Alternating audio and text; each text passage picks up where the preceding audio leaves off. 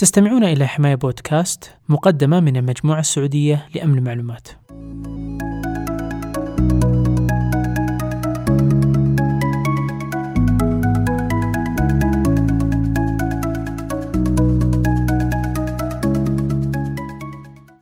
حياكم الله في حلقة حماية بودكاست معكم عبد الله القحطاني. في هذه الحلقة نستضيف الدكتورة شدا بنت عبد الله السلامة، أستاذ مساعد في قسم نظم المعلومات، كلية علوم الحاسب والمعلومات في جامعة الملك سعود، ومستشارة لمركز التميز وأمن المعلومات في جامعة الملك سعود، وحاليا أستاذ مساعد زائر في معمل ال Media Lab MIT. والدكتورة شدا هي عضوة في المجموعة السعودية لأمن المعلومات حماية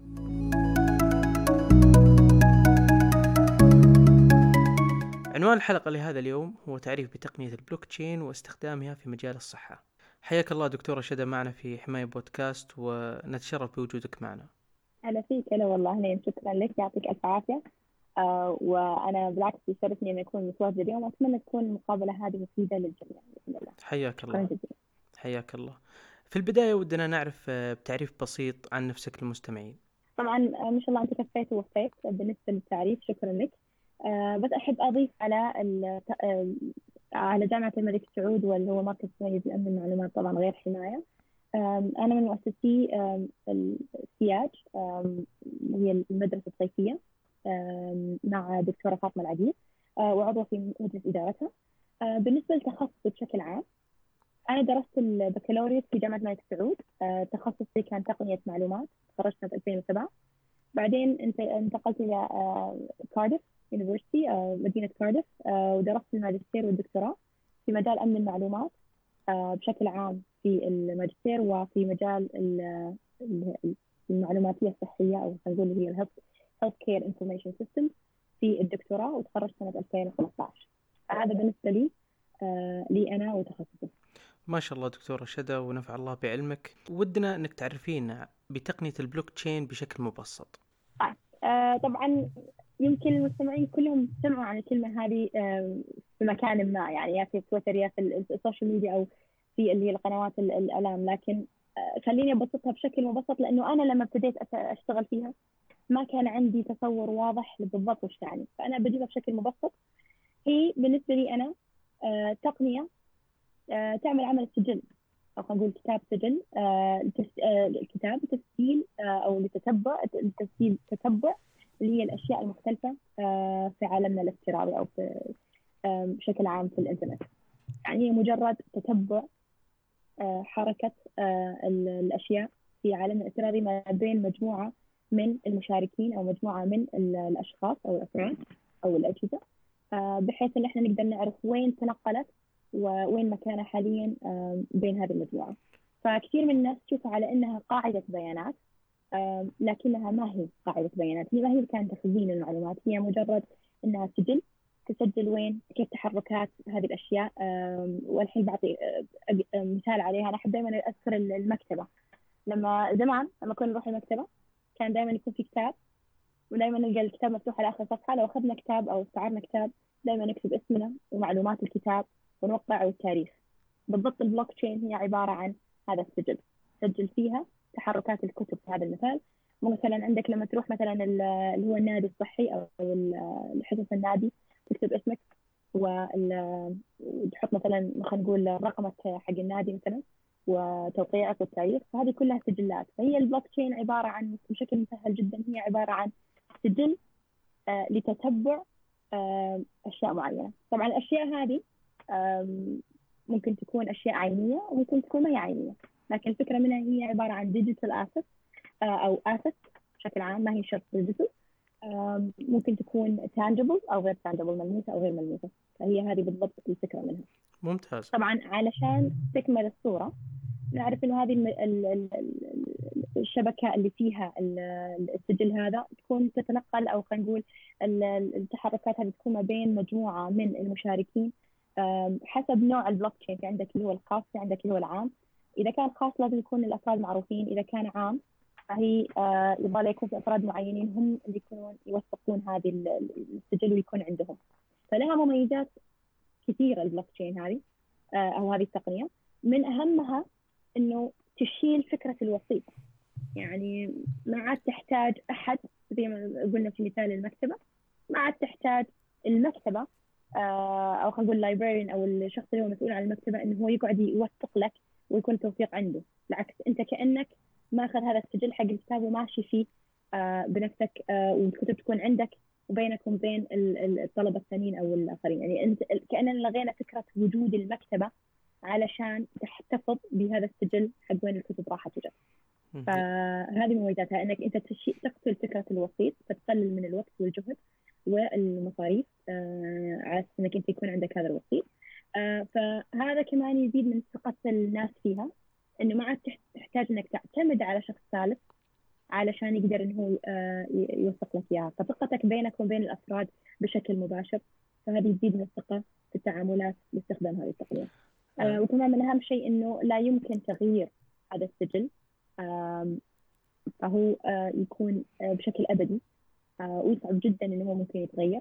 آه، فهذه كمان يعطي منها نقول ثقة في التقنية نفسها أن المعلومة صحيحة وموثقة من صاحبها ممتاز. يعني عشان نختصر الموضوع ممكن نقول إنها آه، عبارة عن تقنية تمنع أو آه، تحد من المركزية وفي نفس الوقت يتم فيها تسجيل كل العمليات التي تحدث بين الأفراد مباشرة بدون أي وسيط في المنتصف.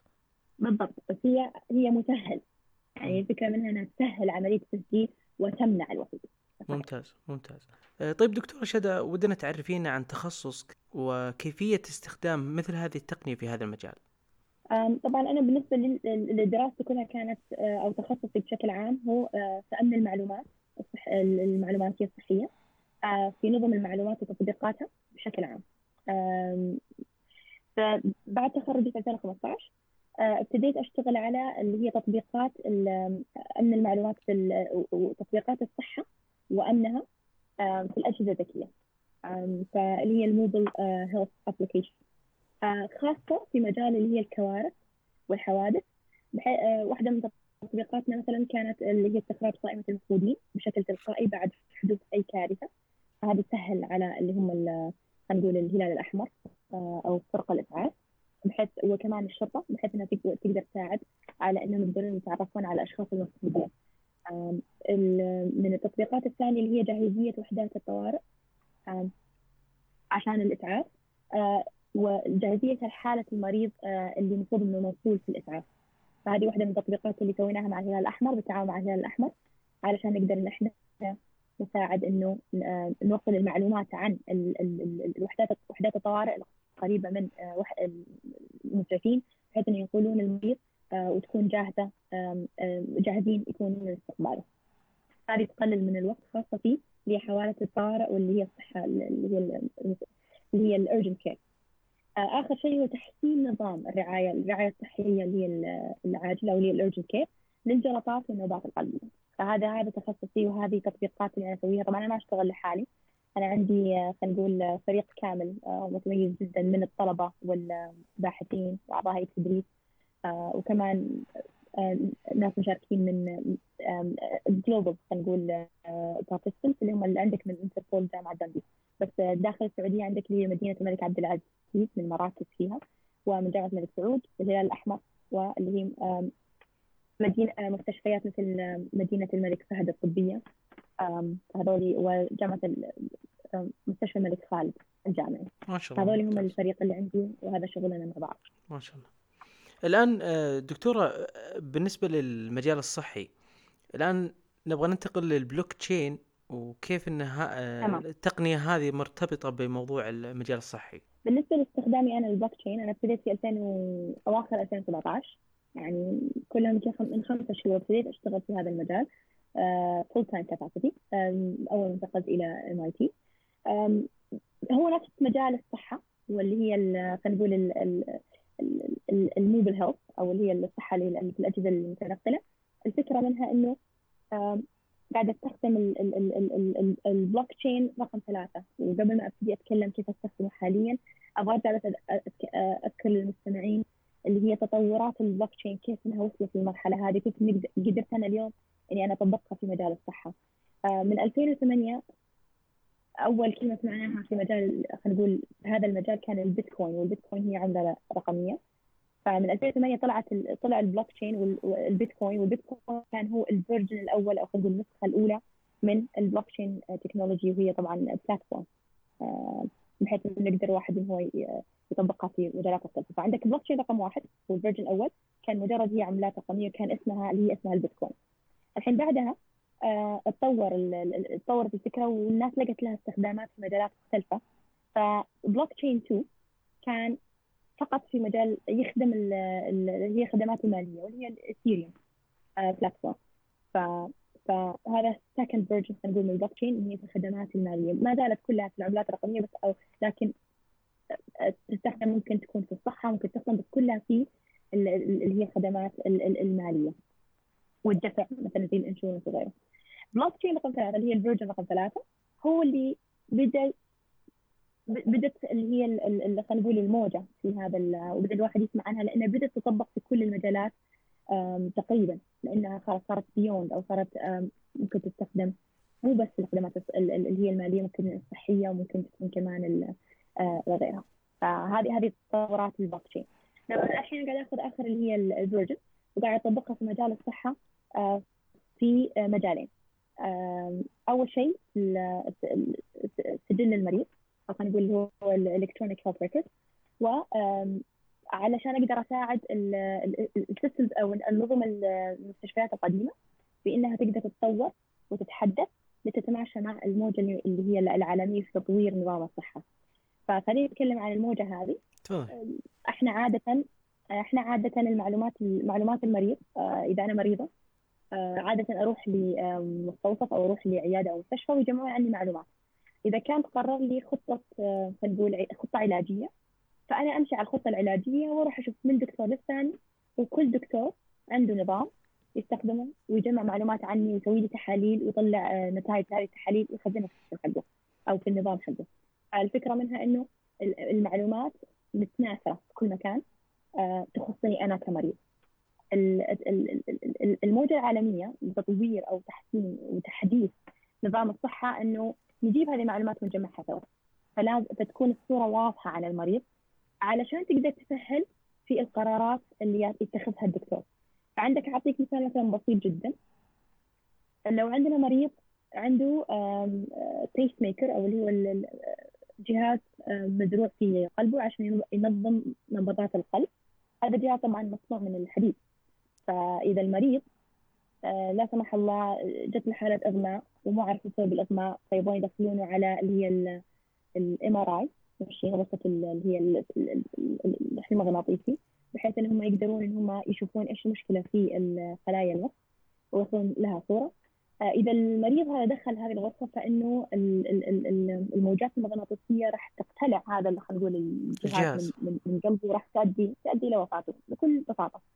فإذا إذا إذا الدكتور ما قدر يعرف ما قدر يعرف إنه هذا المريض عنده هذا الجهاز مزروع في قلبه إذا ما حيتخذ القرار الغلط اللي ممكن يسبب لوفاة المريض ممكن يكون أصلا سبب الاغماء يعني شيء بسيط جدا ما يستاهل هذا الشيء بس لكن ممكن يؤدي إلى وفاته. فمهم جدا إنه أي قرار يتخذه الدكتور لازم يكون مبني على بيانات محطوطة عنده منعطت له بحيث إنه هو يقدر يبني القرار الصحيح هذا خلينا نقول الترند أو ال modernization of healthcare services في العالم كله. بالنسبة لنا بالنسبة لهذه لهذا في هذا المجال عندك مشكلة إنه ال ال الأنظمة نفسها ما تتكلم مع بعض. الأنظمة بعضها قديم بعضها جديد كلها لها أنواع مختلفة. فصعب جدا إنك تجمع المعلومات. أنا أستخدم تقنية البلوك تشين عشان أقدر إني أنا أتتبع زي ما أنا قلت شرحت قبل كذا إنه البلوك تشين عبارة عن تتبع الأشياء. أنا هنا أتتبع المريض. وخلال مراحل علاجه المختلفة سواء عنده مرض أو اثنين أو ثلاثة فكرة من هنا أنا أقدر أوضح وين المريض راح وين معلوماته تجمعت وأخزنها فيها في البلوك تشين بحيث إن أنا أعطي صورة واضحة لكل الأطباء والدكاترة اللي يعالجون هذا المريض سواء كان المتخصص في القلب أو غيره يقدرون كلهم يقدروا حتى الطبيب العام أو اللي هو الطبيب الأسرة يقدر إنه هو يشوف وين معلومات المريض هذه موجودة عشان يقدر إنه هو يبني القرار السليم فهذا استخدام البلوك تشين أساسا في عشان أقدر أعطي صورة كاملة عن المريض فأعطي patient centered خلينا نقول ledger أو اللي هو سجل البلوك تشين. يقدر يعطي أو يعطي الصورة كاملة. هذا بالنسبة لي استخدام الأول. بالنسبة للتطبيق الثاني فهو في اللي هي تحليل البيانات الكبيرة big data analytics أنا هنا مع ال group Human Dynamics Lab تحت إشراف بروفيسور أليكس ساندي بنتلاند نشتغل على ال big open algorithms أو big data analytic system وأنا اليوم أشتغل معاه عشان أقدر أطبق هذا النظام آه، في مجال الصحة. اللي سويته إنه أنا آه، تعاونت مع آه، مدينة الملك فهد الطبيه وجبنا من عندهم big data و case وحالات اللي هم اللي عندهم جلطات دماغية أو نوبات قلبية. وقدرنا إنه إحنا نقدر من عن طريق هذا ال system ان إحنا نقدر نوري اللي هو خلينا نقول ال decision maker أو الشخص اللي هو يبني قرارات. آه، كيف هذه البيانات تقدر تساعد إنه هو يبني قرارات كويسة تقدر تساعد في إنه يقدر يعرف آه، وين يستثمر في اللي هي مراكز الرعاية الصحيه سواء اللي هي الأولية أو ال tertiary أو ال secondary أو اللي هي ال primary فكرة منها للتخطيط. فهذا كان أول آه، حال استخدمه طبعا why the blockchain في الموضوع. البلوك تشين هو يقدر يساعد انه يخزن التساؤلات الوزاره بالنسبة لل big data إيش الاسئله اللي هو سال اللي سالها وايش النتائج اللي طلعت سواء كانت آه، مخططات لمدينه الرياض مثلا آه، وين اماكن المراكز وين الزحمه صايره وين المرضى قاعدين ياخذون وقت اطول انهم يوصلون لمراكز العنايه وهذا كله يتخزن عندنا في البلوك تشين بحيث إنه هو يساعد الوزاره إنها تقدر تقارن ما بين لما كان مثلا في 2000 مثلا خلينا نقول 18 آه، لما كان هذا مخطط مثلا كيف النظام وبعد كذا لما ترجع تبني أو تسأل أسئلة للبرنامج هذا بعدها بسنة أو ست شهور تقدر تقارن وتقدر تشوف كيف التطور قاعد يصير هل في تحسن أو ما في تحسن. فهذه كلها for decision making هذا بالنسبة لتطبيقي للتقنية في مجال الصحة. دكتورة شدا بالنسبة للمقارنة إذا في تحسن أو ما في تحسن بالنسبة لحالة المريض يعني؟ لا بالنسبة لي آه، خلينا نقول تحسين نظام الصحة بشكل عام. الخدمات يعني الصحية مثلا بشكل عام. الخدمات الصحية للحقون الجلطة والنوبات القلبية لأنهم حسب ال guidelines خلينا نقول هي ال ال معروف إنه هذول بالذات الحالات يبغى لهم يتعالجون في أسرع وقت ممكن لأنه كل دقيقه تعني ممكن آه، وفاة الشخص. فعندك مثلا مثل الجلطات الدماغية إنه يقدر لازم يتعالج خلال آه، أقل من ثلاث ساعات أربع ساعات ونص من من أول ما بيقدروا يشوفون الحالة أو يتعرفون على الحالة. آه، لأنه غير كذا ممكن يكون يجي له اللي هو شلل أو ممكن يؤدي للوفاه فبعد أربع ساعات ونص غالبا حيكون الريسك أو الخطر انه هو ممكن فعلا يتوفى أكبر بكثير من لو قدر إنه يعطونه علاج خلال أول أربع ساعات. فالوقت يفرق كثير. آه، بالنسبة لحقون نوبات القلب عندك ثلاث ساعات. فكيف إنهم يقدرون يساعدون المرضى؟ إنهم يقدرون يوصلون لأقرب مركز رعاية آه، للجلطة في أقل من آه، اللي هي طبعا ثلاث ساعات علشان يقدرون هم يعطون العلاج. فمن من النتائج اللي إحنا طلعنا فيها من من البيانات اللي عندنا أخذناها من مركز الملك فهد. أخذناها من سبع مراكز آه، وقدرنا إحنا نشوف 184 حالة. فقدرنا نشوف إنه فعلا في المنطقة الوسطى مثلا عندك الزحمة في مدينة الرياض. مخلية الوقت بسبب الزحمة في الوقت اللي ياخذه المريض. للانتقال من بيته أو خلينا نقول من المكان اللي يتعرف فيه على اللي حصلت الجلطة للمركز قاعد يأخذ وقت جدا جدا طويل مقارنة باللي هي المراكز اللي موجودة في أطراف المدينة. فهذه كلها باستخدام ال big data analytic وال visualization وال algorithm عشان نقدر نطلع هذه النتائج. فهذه كانت بسيطة جدا لكن البلوك تشين يقدر إنه يخزن آه هذه النتائج بحيث إنها تقدر تقارن مثلا لو قدرت إنها تبني مركز جديد وتشوف مثلا تتابع كيف الحالات وعدد المرضى وكيف انتقالهم آه، من بيوتهم لهذا المركز تقدر إنها تقدر تقرر آه، إذا كان هذا فعلا شيء صائب ولا لا وإذا يحتاجون مثلا إنهم يسوون شيء ثاني عشان يحلوا المشكلة. ممتاز.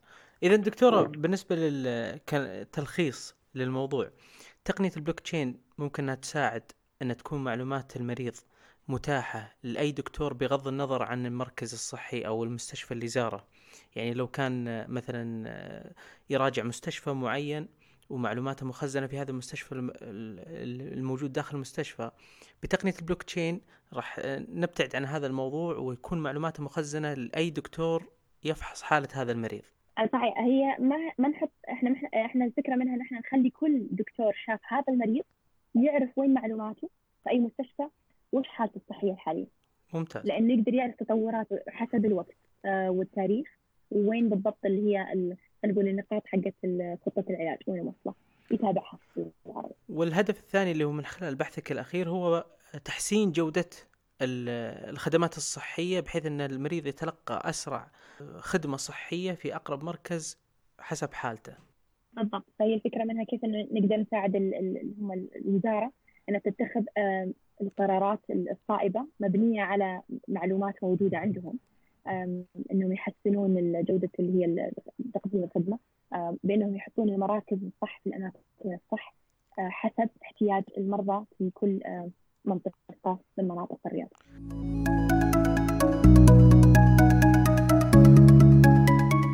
طيب دكتورة شدة ودنا نعرف عن مستقبل هذه التقنية في رأيك طبعا يعني لما يجي الواحد يشوف أبحاثها في مجال الصحة وهذا هو تخصصي ما نلقى ما نلقى مقالات نشرت قبل 2016 15 بالكثير. يعني الموضوع أو خلينا نقول استخدام مجال الصحة جدا جدا جدا جدا جدا خلينا نقول لسه في بداياته. فانا أعتقد إنه لها مستقبل كبير في إنها تقدر تساعد كثير في ربط ال ال الأنظمة لأنه حاليا الأنظمة ما هي مرتبطة وربطها صار لها يعني نقول صار الناس صار لها ثلاث سنين تحاول إنها تربط الأنظمة وحتظل هذه مشكلة قائمة لأنه صعب جدا إنك أنت تقدر توحد الأنظمة. لكن لازم تلقى طريقة آه عندك الاتش 7 مثلا واحدة من الطرق أو تقنيه إنك تقدر إنك توحد طريقة كتابة المعلومات في أنظمة بغض النظر عن النظام نفسه فهذه واحدة من الطرق اللي قاعدة تتبعها الدولة. لكن الفكرة منها انه إحنا نقدر نسهل على إنه حتى لو كان مثلا ما إحنا قاعدين نتبع هذا الاتش 7 خلينا نقول بروتوكول نقدر انه إحنا نساعد على نقل المعلومات هذه بغض النظر عن الطريقة أو قدم أو خلينا نقول قديش النظام جديد أو قديم. بس الفكرة منها نساعد في هذا المجال. بالنسبة للمجالات الثانية طبعا هو الحين تستخدم في مجال التعليم تستخدم في في الشركات لتقديم الخدمات الإلكترونية للمواطنين خلينا نقول للمرضى للزباين أو اللي هم المواطنين أو غيره. الفكرة منها إنه قاعد يستخدم في أكثر من مجال لتقديم أفضل الخدمات الإلكترونية. كثير صار تبني هذه التقنية ما هو بس مجرد على مستوى الأفراد أو بس في مجال البحوث اللي نلقاها في الليترشر أو في الأدب. لكن الفكرة منها إنه إحنا قاعدين نشوف دول وحكومات قاعدة تتبناها ومؤمنة فيها بشكل قوي. واول على رأسهم طبعا هي حكومة دبي. يعني من كثر ما لقيت فيها أو خلينا نقول مأملة في قدرتها على خفض التكاليف وإنهم يقدرون هم يعني يقللون تماما وجود الوسيط يستغنون عن الوسيط تماما فهذا حتقلل من الوقت والتكاليف والجهود عشان يقدرون هم يقدمون الخدمات للمواطنين خدمات دولة دبي. فعندك طبعا حكومات ثانية كثيرة قادرة تتبنى هذه التقنية. وطبعا من أولهم إستونيا. واحدة من الدول في في أوروبا اللي هي تبنت هذه التقنية ومؤمنة فيها بشكل كبير. وفي أوروبا كمان. فعندك عندك كثير حكومات وأفراد وشركات بعد تستخدمها. يعني اليوم قاعدين نسمع عن تليفون أو خلينا نقول جهاز محمول باستخدام تقنية المعلومات. فقاعد يستخدم في كل مكان ما هو مجرد بس في مجال الصحة. لكن إن شاء الله مستبشرين خير وبكرة راح يبان معانا في الأدب وفي الأبحاث اللي الناس تنقلها كيف حيكون استخداماتها إن شاء الله. خلينا نقول في غير اللي أنا ذكرته من امثله يعطيك العافية دكتوره شدا في الختام ودنا تحدثينا عن أهداف مجموعة حماية الفرعية المهتمة بهذه التقنية. آه للمهتمين بالتقنية البلوك تشين وحابين الانضمام. طبعا آه هذه المجموعة ما كملت يمكن أكثر من شهر. الفكرة منها أنه آه لقينا لها احتياج وطبعا الله يعطيه العافية دكتور مسعد ما قصر على طول سهل لنا الأمور وكونا هذه المجموعة. اليوم عندنا 21 شخص مهتم بهذا المجال وبعضهم خبراء في هذا المجال. ولما أجي أقول البلوك تشين أعني فيها اللي هي ال ال ال ال العملات الرقمية وكمان تطبيقاتها المختلفة في مجال الصحة وغيره. فهذه المجموعة موجودة. من اهم اهم أهم أهدافها إنه إحنا نقدر إنه إحنا نبني خلينا نقول كوميونتي أو مجتمع يكون مهتم فيها سعودي. نقدر إن إحنا نشارك في في أي لقاءات خلينا نقول أو مؤتمرات أو حتى أبحاث في هذا المجال باسم حماية أو في على الصعيد الفردي أو كمجموعات مع بعض. هذا أول أهم هدف لنا في المجموعة. كمان يكون إحنا نسوي لقاءات دورية لزيادة نقل المعرفة. يعني بكرة نروح المدارس نتكلم فيها ونروح الجامعات نتكلم عنها. نقدر نزيد الوعي فيها ونقدر إحنا كمان نقدر نستقطب أشخاص ثانيين يمكن يكون عندهم يحبون إنهم يعرفون عنها زيادة. كمان محاولة تطعيم هي المجموعة بأشخاص مهتمين ببلوكتشين من غالبا إحنا تركيزنا على السعوديين لكن إحنا ممكن إن إحنا كمجموعة مع بعض إن إحنا نتشارك مع مجموعات ثانية موجودة. في عندك حدة الخليج وفي عندك اللي هم ال global community اللي هم خارج الخليج. وأي أحد طبعا يعني أي أحد طبعا نتشرف بأي أحد انه ينضم لنا ويقدر يفيدنا ونفيده. ممكن كمان يكون في مجالات ثانية مو بس مجرد ممكن يعني ممكن يكون في القانون والاقتصاد. فواحدة من مثلا من من الأهداف اللي إحنا حطيناها في آخر في أول لقاء سويناه والوحيد إلى الآن. كان اللي هي كتابة تقارير استخدامات في قطاعات مختلفة. وكان من أهمها اللي هي في مع وزارة التخطيط ورصد الرؤية. لأنها كانت من من الجهات اللي ابدت عندها اهتمام في هذه التقنية. وإن شاء الله في اللقاء القادم راح نلتقي مع أعضاء ومستشارين في الوزارة بإذن الله. اطلاع على إيش تكون أهداف لهم حابينها وإحنا نقدر نكتب لهم اقتراحات كأفراد من مجموعة حماية بلوكتشين وكمان إن شاء الله بإذن الله حنزيد الوعي في تصميم infographics ونعرف عن هذه التقنيه فهذه مجموعتنا. الله يحييكم جميعا. اللي حاب إنه ينضم عشان يقدر يعرف عنها زيادة فنتشرف ممتاز. والله يقويكم دكتورة شدا بغيت أسأل سؤال عن التقنيه هذه حديثة. يعني أنت تقولين إنها من 2015 ممكن إنها بدأت تتطبق بشكل بشكل ملموس. من خلال خبرتك هل لمستي تخوف من متخذي القرار بتطبيق هذه التقنية ولا حسيت إنه في حماس لها؟ الاندفاع كبير والكلام عنها كثير. كل الكلام يعني مثلا لما تيجي تقارن مثلا تقنية البلوك تشين مثلا مع اللي هي الذكاء الاصطناعي لا تلاقي إنه الذكاء الاصطناعي في تخوف أكبر. لأنه يقول لك إنه الروبوت أو الرجل الالي هذا ممكن بعد كذا يعني يتحكم فينا. يعني يصير صحيح. ف... فهذا تخوف كثير نسمعه بس إلى الآن يمكن لأنه في بدايات تقنية البلوك تشين ما سمعنا كثير عن هذا الشيء. لكن كثير يقول لك انها ما هي خلينا نقول ما هي آمنة مع إنه من أساسياتها ويمكن من أكثر مميزاتها. طبعا ما في شيء آمن 100% إحنا كلنا أفراد من مجموعه وتخصصنا أمن المعلومات. نعرف إنه security 100% لا يمكن مستحيل الواحد يقدر لازم يكون في لو مو اليوم بكرة حيكون في ثغرة الواحد ممكن يقدر يوصل لها لكن الفكرة منها انه الواحد يحاول يجرب الجديد عشان يقدر إنه هو يتعلم كيف ممكن يطوره. هذا أول شيء. هذا بالنسبة لي أنا كطبعا scientist أو باحثة. لكن بالنسبة لي الجهات اللي حابة إنها تتبنى هذه التقنية أعتقد إنه كل شيء فيه risk أو فيه مخاطر. لازم حيكون فيه مخاوف. بس حاليا ما في مخاوف يعني كبيرة قاعدة اسمعها مختلفة عن إنها ما هي آمنة. كيف أنا أقدر إني أنا أثق فيها لكن هي هذه من أساسياتها. يمكن بكرة لما الناس تجربها وتبي تطبقها ونقدر نشوف أمثلة قدامنا على أرض الواقع كيف تطبقت. لأنه إلى الآن ما نشوف أي شيء يطبق بشكل واضح ودرس بشكل خلينا نقول آم عميق بحيث إن إحنا نقدر فعلا نطلع نتائج تقول لنا إيش تخوف إيش إيش إيش الكويس إيش مو كويس. لأنه إلى كلها ما زالت كلها أبحاث نظرية الناس قاعدة تحاول إنها تطبقها وأنا منهم يعني. وأنا عندي مليون سؤال نفسي. إنه كيف طب كيف طب كيف طب كيف هذه إن شاء الله الأسئلة كلها نحاول نلقى لها جواب في الاستمرار والأبحاث وال نقول والتفاعل مع هذه التقنية ومع الأشخاص اللي يكونون متخصصين فيها. يعطيك العافية دكتورة شدا وإلى هنا نصل إلى نهاية الحلقة كل الشكر لك دكتورة شدا على هذه المعلومات القيمة ونتمنى إن قدمنا حلقة مفيدة للمستمعين ونشوفك إن شاء الله في حلقات قادمة من حماية بودكاست. يعطيك ألف عافية شكرا جزيلا وأتمنى إن شاء الله تكون فائده للجميع. و... و... يعني وطبعا شكرا يعني على الاهتمام بنقل المعرفة وتشرفت أكيد شكرا جزيلا. الله يعطيك العافية دكتوره شده وشكرا لك. يا